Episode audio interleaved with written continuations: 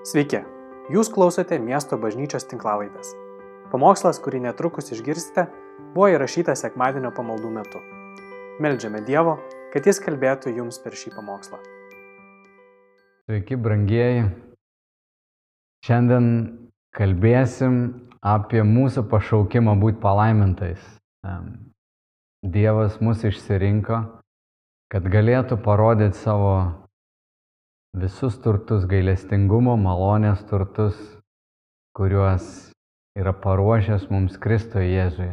Ir mes įtikėję Kristų kaip savo viešpačiu, kaip Dievo sūnumi, mes esam Abraomo palikuonis. Mes įėjom į sandorą, ką praeitą kartą pamokslavau, kad mes esam Abraomo sandoros dalyviai ir esam paveldėję Abraomo palaiminimą, turime amžiną sandorą Kristuje Jėzuje, tai reiškia, kad Dievas tau ir man yra paruošęs palankumą visiems amžiams. Dievas Kristuje Jėzuje dovanojo mums savo teisumą. Jėzus tapo nuodėme už mus, kad mes jame taptume Dievo teisumu. Ir suvokti Dievo malonę, manau, yra vienas gal svarbiausių dalykų dvasiniam gyvenime. Nes kai mes suvokiam, kad Dievas yra be galo maloningas ir geras, ir kad Jis išsirinko mus ne dėl mūsų elgesio, ir kad Jis žiūri mus ir mes jam patinkam ne todėl, kad esam labai faini arba kad kažkaip įvykdėm jo įstatymus ir esam moralūs ir geri, bet dėl to, kad Jis tiesiog mūsų kūrė ir brangina kaip savo nuosavybę ir Kristoje Jėzuje mums dovanojo teisumą, kai šitas suvokimas ateina į mūsų galvą, mes visą, ką darom Dievui, darom tada jau iš meilės, iš dėkingumo, o ne tam, kad užsitarnautume jo palankumą. Ir aš manau, kad kai šventoji dvasia mums leidžia suvokti, jog iš Jėzaus Kristaus mes gaunam malonę po malonės, šio pilnatvės, mes gaunam malonę po malonės, mes galim lengvai tada pasiduoti ir leisti Dievui būti mūsų gyvenimo režisieriumi. Nes Lietuvoje yra įprasta sakyti, būk savo gyvenimo kalvis. Kaip pasiklosi, taip išmiegosi. Tas mainų tokia tokia sistema, kurioje mes užaugam, kad mes gaunam tai, ką mes pasėjom, yra viena dalis mūsų gyvenimo. Bet žvelgiant į šventąją raštą, galim matyti, kad Dievas veikia visose aplinkybėse, kad Dievas veikia savo tauto ir Dievas yra tas pagrindinis režisierius. Šiandien noriu su jumis peržvelgti Juozapo istoriją, bent dalį jos. Jis yra Abromo palikonis, jis yra tos sandoros dalyvis. Kai Dievas pradžios knygos 15 skyriuje mes skaitom, kad Dievas sudarė sandorą su Abraomu ir davė pažadą, kad duos jam palikonį ir kad vėliau tie palikonis jie atsidurs tremtyje, kad jie bus svetimam krašte, kad jie bus spaudžiami 400 metų, jau buvo išpranašauta apie tą laiką, kada Juozapas gyvens. Taigi Abromui gimė Izaokas, Izaokui gimė Jokūbas, Jokūbui gimė Juozapas, vienas iš dvylikos Jokūbo vaikų. Ir Jokūbas labai mylėjo Juozapą. Juozapas yra Kristaus prototipas arba tas pirmasis toks provaizdis, koks Kristus ateis, koks jis bus. Ir Juozapo istorija, jinai yra iš tiesų įspūdinga. Raginu tave paskaityti pradžios knygą, knygą dar kartą nuo 37 skyriaus iki pabaigos, iki 50 skyriaus yra Juozapo istorija. Aš šiandien tik paskaitysiu tą vėlesnėje dalį, bet labai trumpai Juozapas, kuris buvo tėvo mylimas, dėl tos didelės tėvo meilės ir šališkumo buvo brolių nekenčiamas. Ir dėl to broliai jį atidavė į vergystę, jie išdavė jį, jie primušė, norėjo iš tiesų užmušti, bet galiausiai pardavė. Juozapas atsiduria vergo pozicijoje, galiausiai vėl nekaltai yra apkaltintas ir iš Potifaro namų, kuriuose tarnavo, atsiduria kalėjime ir 13 metų, ne dėl savo kalties, dėl to, kad laikėsi teisumo, buvo nekaltas, atsiduria kalėjime, 13 metų jis kenčia. Bet Dievas visą laiką buvo su juo. Ką mes matom, kai skaitom šventą raštą, mes matom, kad Dievas savo palankumą rodė Juozapui per visas vatas išmėginimo akimirkas, per visus sunkumus, kai broliai nekenti. Juozapas galėjo pasipiktinti, galėjo kartėlis atsirasti jo širdį, bet jis buvo ištikimas ir Dievas buvo su juo ir jį laimina. Galiausiai Juozapas atsiduria tokioje išaukštintai pozicijoje, kad tas pažadas, kurį Dievas jam pradžioje davė per sapnus, kažkada Juozapas susapnavo, kad jo broliai visi nusilenks prieš jį. Jis sapnavo po to, kad ir Saulė, ir Menulis, ir vienuolika žvaigždžių visos nusilenkė jam. Ir dėl to broliai jo nekentė. Bet Dievas taip jį išaukština, kad Juozapas atsiduria faraono rūmuose ir faraonas paskiria jį valdyti viso Egipto žemėje. Tai yra įspūdinga istorija, kad Juozapas iš vergo tampa antras po faraono. Ir galiausiai tie broliai, kurie jį išdavė, kurie nekentė jo, ateina patys į Egiptą pirkti grūdų. Ir Juozapas juos pamato, juos atpažįsta ir padaro tokią schemą, žodžiu, kad jie taptų kalti, paverčia jos tarsi vagimis, bet jo tikslas yra, kad e, jo visa šeima ir tėvas visi ateitų pas Juozapą. Ir ta akimirka, kai Juozapas vat, vėl pamato savo, po kelių metų tenais pamato savo brolius, kurie ateina, atveda ir jo patį jauniausią brolį Benjaminą, yra tokia scena, kur Juozapas nebesusivaldo. Jis turi visą galę keršyti savo broliams, bet jis supranta tą Dievo režisūrą, kad Dievas virš visko yra aukščiau. Ir štai ką Juozapas pasako, kai apsireiškia, kad jis nėra egiptietis, o yra jų brolis. 45 skyriuje Juozapas pasakyta, nebegalėjo susivaldyti ir sušuko esantiems su juo, išeikite iš čia egiptiečiams. Nieko nebuvo prie jo, kai Jozapas prisipažino savo broliams. Jis taip garsiai verkė, kad išgirdo egiptiečiai ir faraono namai. Juozapas tarė savo broliams. Aš esu Juozapas. Ar mano tėvas gyvas? Jo broliai išsigandę negalėjo ne žodžio ištarti. Juozapas tarė savo broliams. Prieikite prie manęs. Jiems priejus jis kalbėjo. Aš esu Juozapas, jūsų brolis, kurį pardavėte į Egiptą. Nesisielokite ir nebijokite, kad mane pardavėte. Jūsų gyvybę išlaikyti Dievas mane siuntė pirmą jūsų. Paklausykim, ką Juozapas sako. Kokia, pabandykim įlysti jo galvą jo širdį. Jis iškenčia vergystę, pažeminimus, Jis turbūt labai gerai dar atsimena savo brolių veidus, kai jie jį daužė, kai jį pardavė, kai įmetė į duobę. Galiausiai, kai atiduoda į vergystę, tiesiog parduoda už 20 sidabrinių. 13 metų praleistų kalėjime.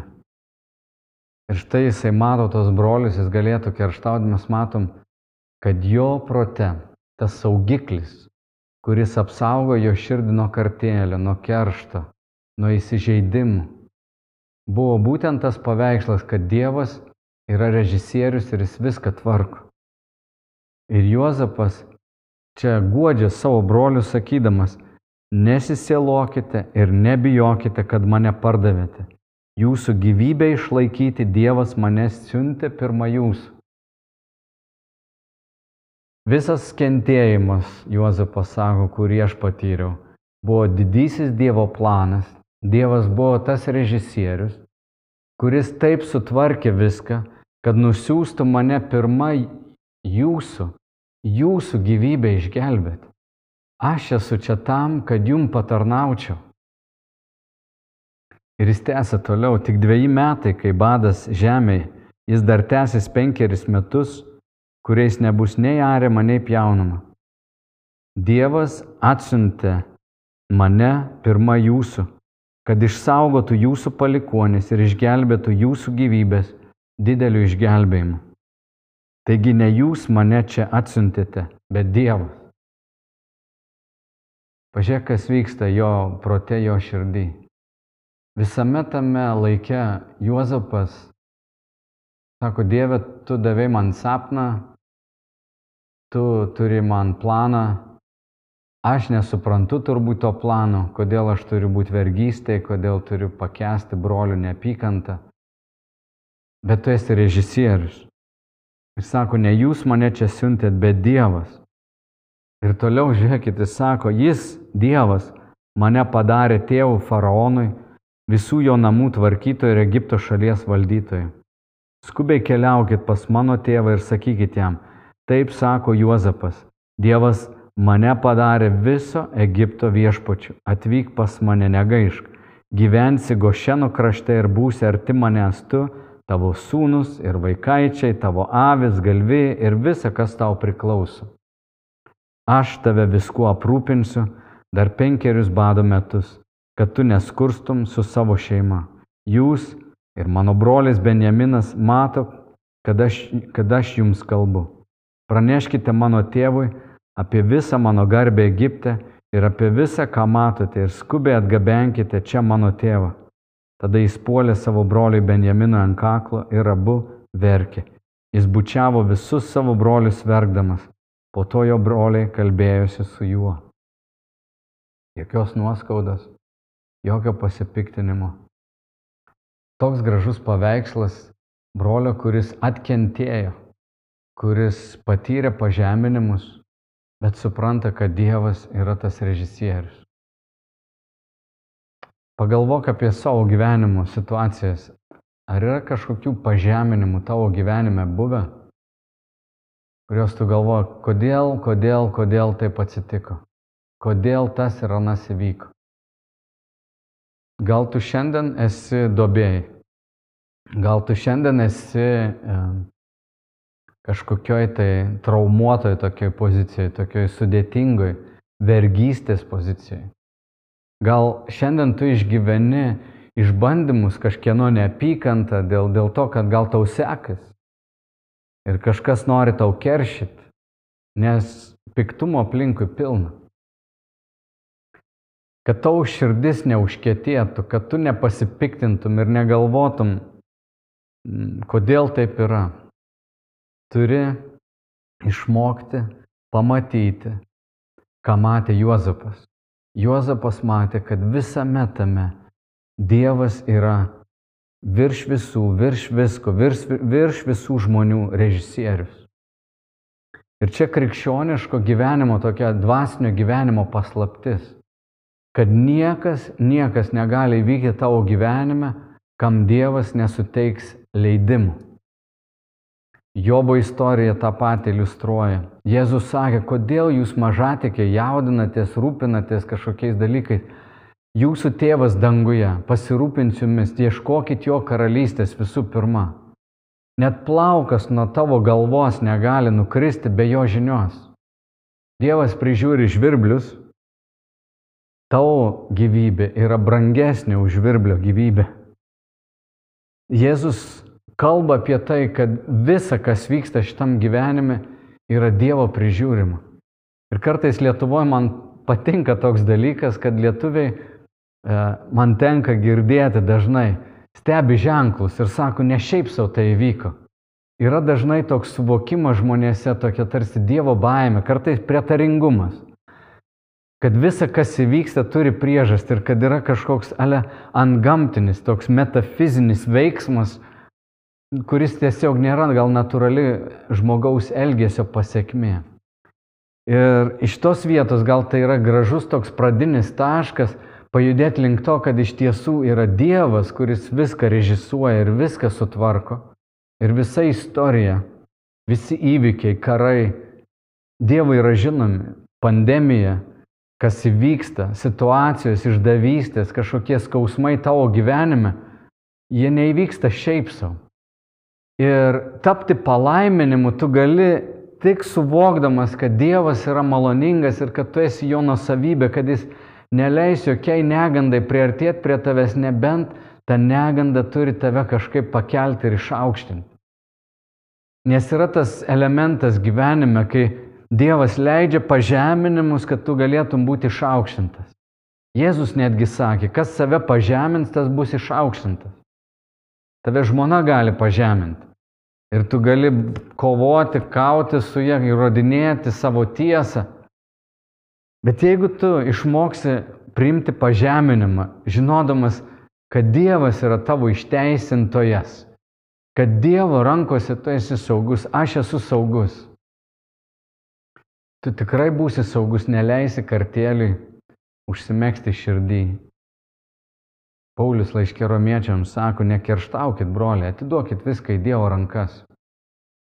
Tai tu gali tapti palaiminimu, nes pats esi palaimintas, tau daug atleista, man daug atleista.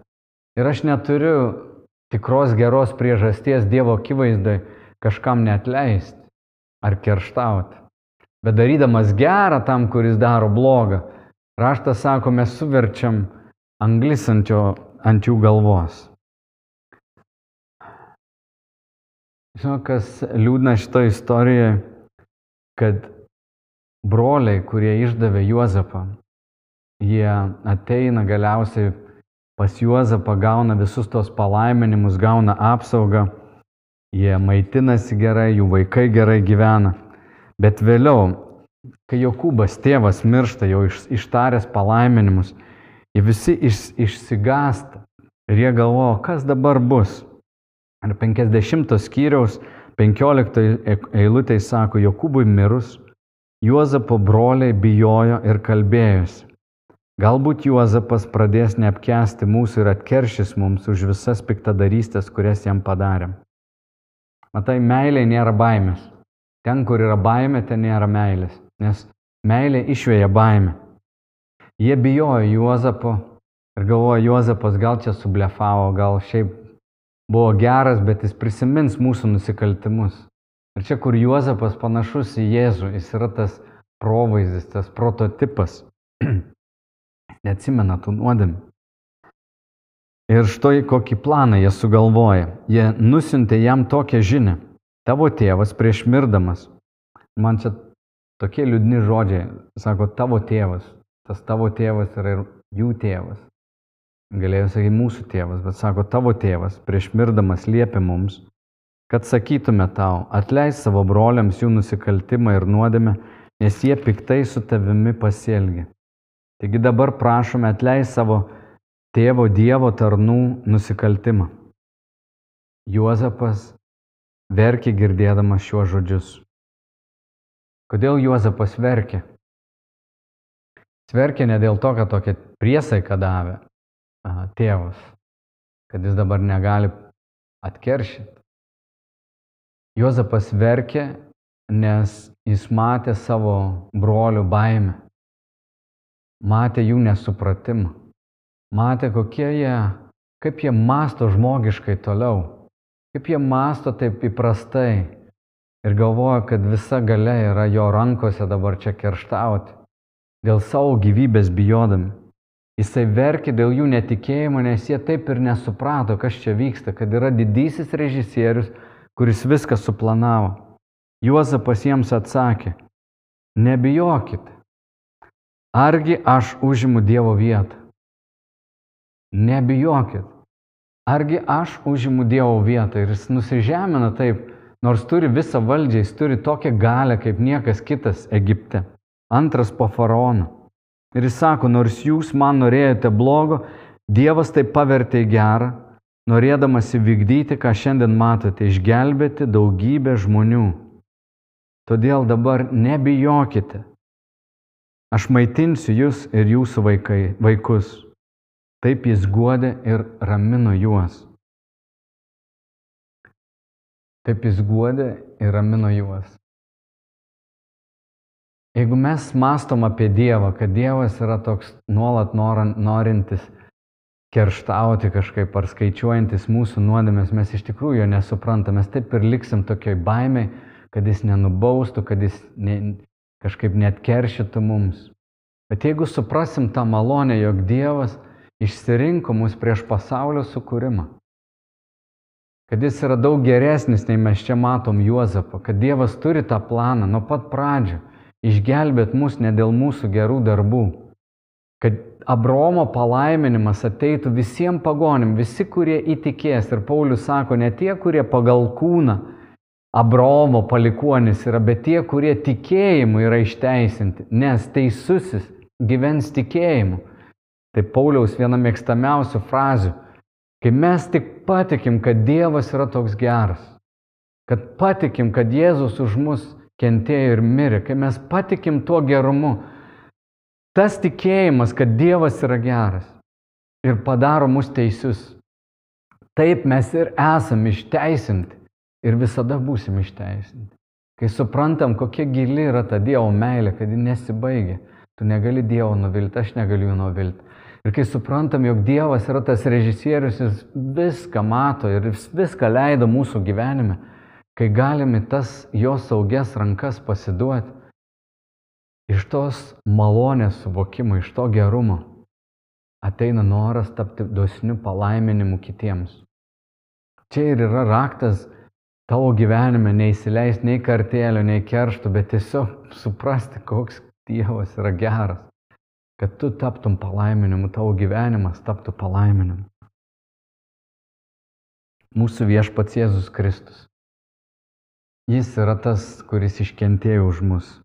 Hebrajams ketvirtame skyriuje, penkioliktoje eilutėje sako, juk mes turime ne tokį vyriausiai kunigą, kuris negalėtų atjausti mūsų silpnybių, bet, kaip ir mes, visai gundite, tačiau nenusidėjusi. Todėl drąsiai artinkimės prie malonės sosto, kad gautume gailestingumą ir rastume malonę pagalbai reikiamų metų. Jėzus Kristus, jis iškentė už mus. Jis buvo gundomas, jis žino, ką reiškia patirti neteisybę, ką reiškia patirti išdavystę. Jis nenusidėjo, bet jis išgyveno tos skausmus. Mes išgyvenom ir nuodėmės skausmą, ir nuodėmės pasiekmės skausmą kai mes netinkamai pasielgiam ir prarandam pagarbą, prarandam draugą, mes išgyvenam ir tas pasiekmes. Ir raštas mus ragina, artinkimės prie jo malonės sosto, tos neužtarnauto palankumo vietos, kad patirtume gailestingumą, tai reiškia, kad negautume tos bausmės, kurios nusipelnėm, o gautumėm Dievo dovanas, kurių nenusipelnėm. Toks yra malonės sostas. Tokia yra ta gailestingumo vieta. Ir toks yra mūsų vyriausiasis kunigas Jėzus Kristus, kuris gali atjausti mus mūsų silpnybei. Šitas suvokimas, koks geras yra Dievas, perkeičia mūsų širdis ir suteikia mums jėgų nebenusidėti. Nėra kitos galios transformuoti, perkeisti mūsų širdis kaip Dievo meilė ir jo malonė. Greičiausias būdas arba giliausias poveikis mums būti perkeistais, tai yra pamatyti save Dievo akimis, kaip Dievas mus mato. Kada mes matom save tomis mylinčiomis Dievo akimis, ir išgirstam šventosios dvasios žodžius mums tariant, tu esi mano mylimas sunus, kuriuo aš geriuosi, kai šventoji dvasia mums tai prabyla, tai perkeičia mus. Ir mums labai reikia tokios atgailos arba tokio minčių perkeitimo, metanojos, tokio, tokio atnaujinimo savo proto Dievo malonę, kad galėtumėm gyventi šventai ir teisiai. Nes Dievo malonė yra tas įrankis, kuriuo Dievas pasirinko perkeisti mūsų širdis.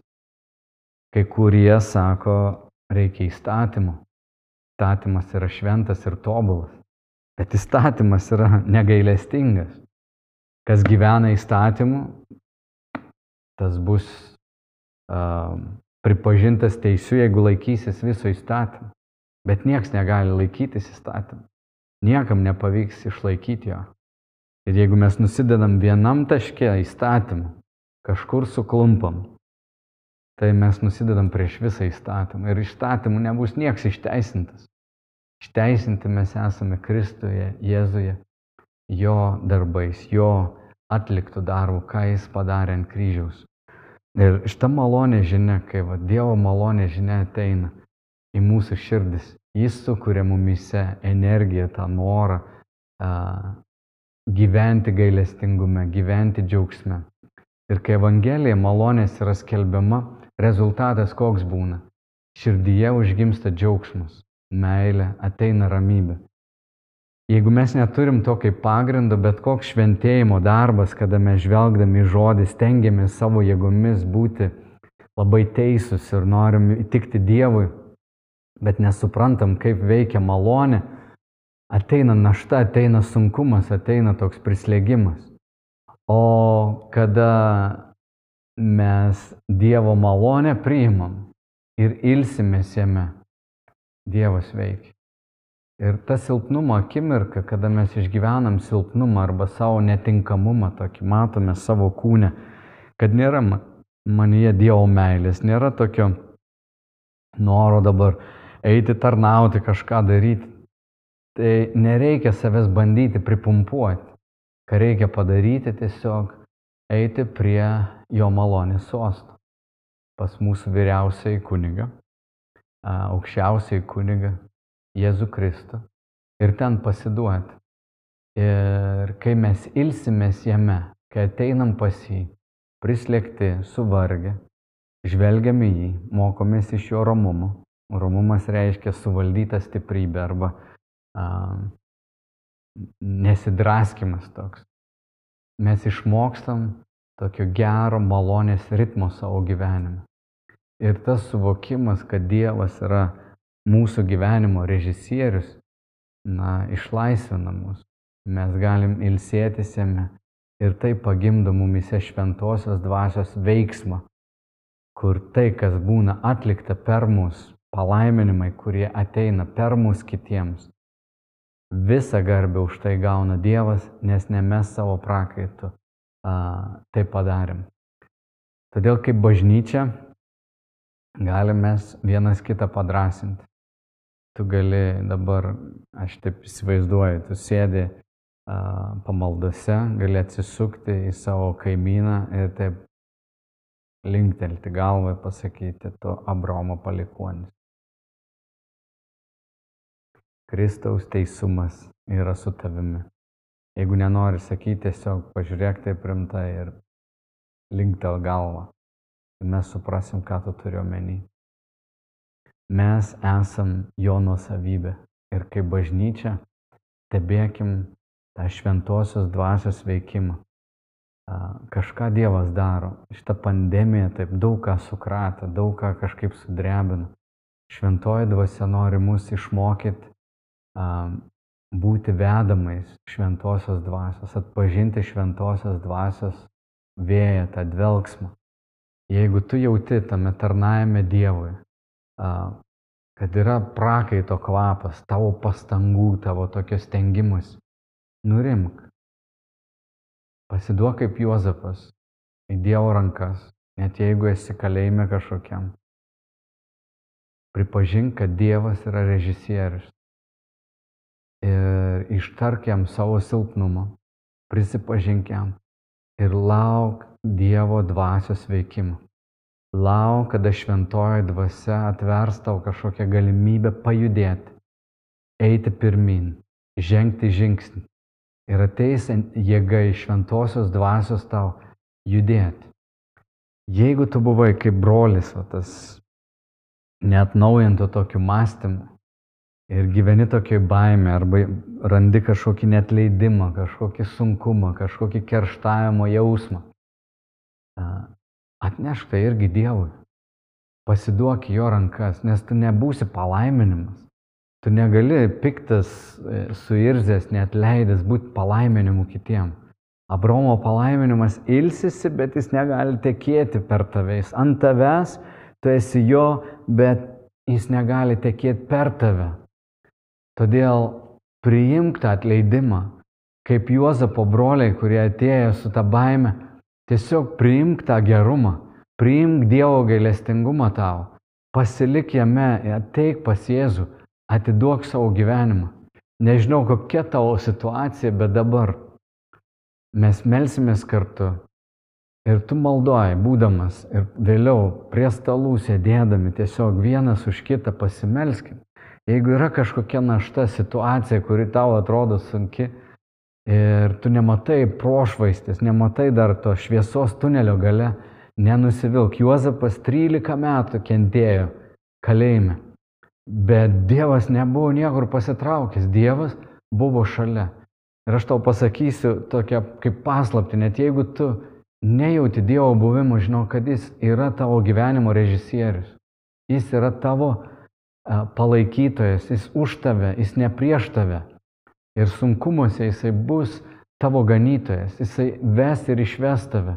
Tiesiog pasiduok į jo rankas. Nustok režisuoti savo gyvenimą. Išmesk lauk tas mintis, kurias šiandien skelbia tiek daug pranašų visokių mokytojų. Režisuok savo gyvenimą, tvarkyk jį pats, daryk jį pats, tenais, ką tu užsibrėži, kokių tikslų tu juos ir pasieksi. Tiek daug to yra ir tokia didelė našta žmonėm, kurie bando, bando ir nepaneša. Pasiduoti Dievo rankas yra tokia malonė, toks, toks gerumas, toks polsis. Kas tave slegia, paveskim į jo rankas kad patys taptume palaiminimu, nes gavom tą palankumą iš Dievo. Taigi kviečiu dabar mus visus a, melsis ir prašom, kad tu tėve, dėl tavo sunaus Jėzaus, dabar kiekvienam, kuris klausosi, kiekvienam, kuris yra pamaldose, kad tu tėve suteiktum malonę atpažinti tavo režisūrą, tavo veikimą mūsų gyvenime. Suteik šventoji dvasia savo paguodą ir ramybę. Meldžiu šventoji dvasia, tu kalbi per savo žodį šitas tiesas. Parodyk dabar mūsų dvasiai, kad atpažintume, kur tu buvai ištikimas, kur tu mus vedėjai, kad ir tėvė priėmė tavo palaiminimus, taptume palaiminimu kitiems. Paimk naštas, atiduodam jas į tavo rankas. Tėve meldžiu, ten, kur yra tos nuosavos pastangos, ten, kur yra tas toks draskimas, įsėjimas, noras užsitarnauti, noras a, įrodyti kažkam kažką, meldžiu viešpatie, kad tu savo malonę sustabdytum, nuramintum, leistum priimti tavo veikimą. Jėzau Kristau stovim ant tavo pažadų, ant tavo žodžio ir pasiduodami tavo šventas rankas. Pavedam visą bažnyčią, visi, kurie priklauso miesto bažnyčiai, kurie atėjo šios dvasinius namus ir laiko tai savo dvasinė šeima. Te tas palaiminimas, kurį esi skyrę šiai bažnyčiai, te pasidalinant visų viešpatėje. Ir te tavo palaiminimas apsauga lydi mus visus, mūsų vaikus, mūsų artimuosius ir visa, kas priklauso mums. To meldžiam tėvę, mūsų viešpatės Jėzaus Kristaus vardu. Amen. Brangiai palaiminto jum bendravimo. Jeigu turit ką pasidalinti vienas su kitu, aptarkit tai, bet leiskit ir šventai dvasiai jum kalbėti. Melskitės galbūt dar šituo laiku palaikydami vienas kitą. Te viešpaties ramybė pasilieka šiuose pamaldose su mumis. Amen.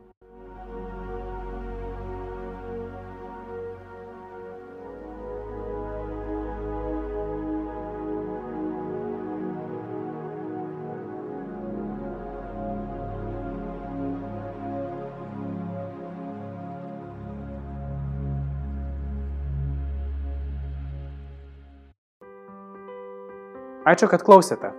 Daugiau informacijos apie miesto bažnyčią rasite internete www.m-b.lt arba Facebook, Instagram bei YouTube paskiruose.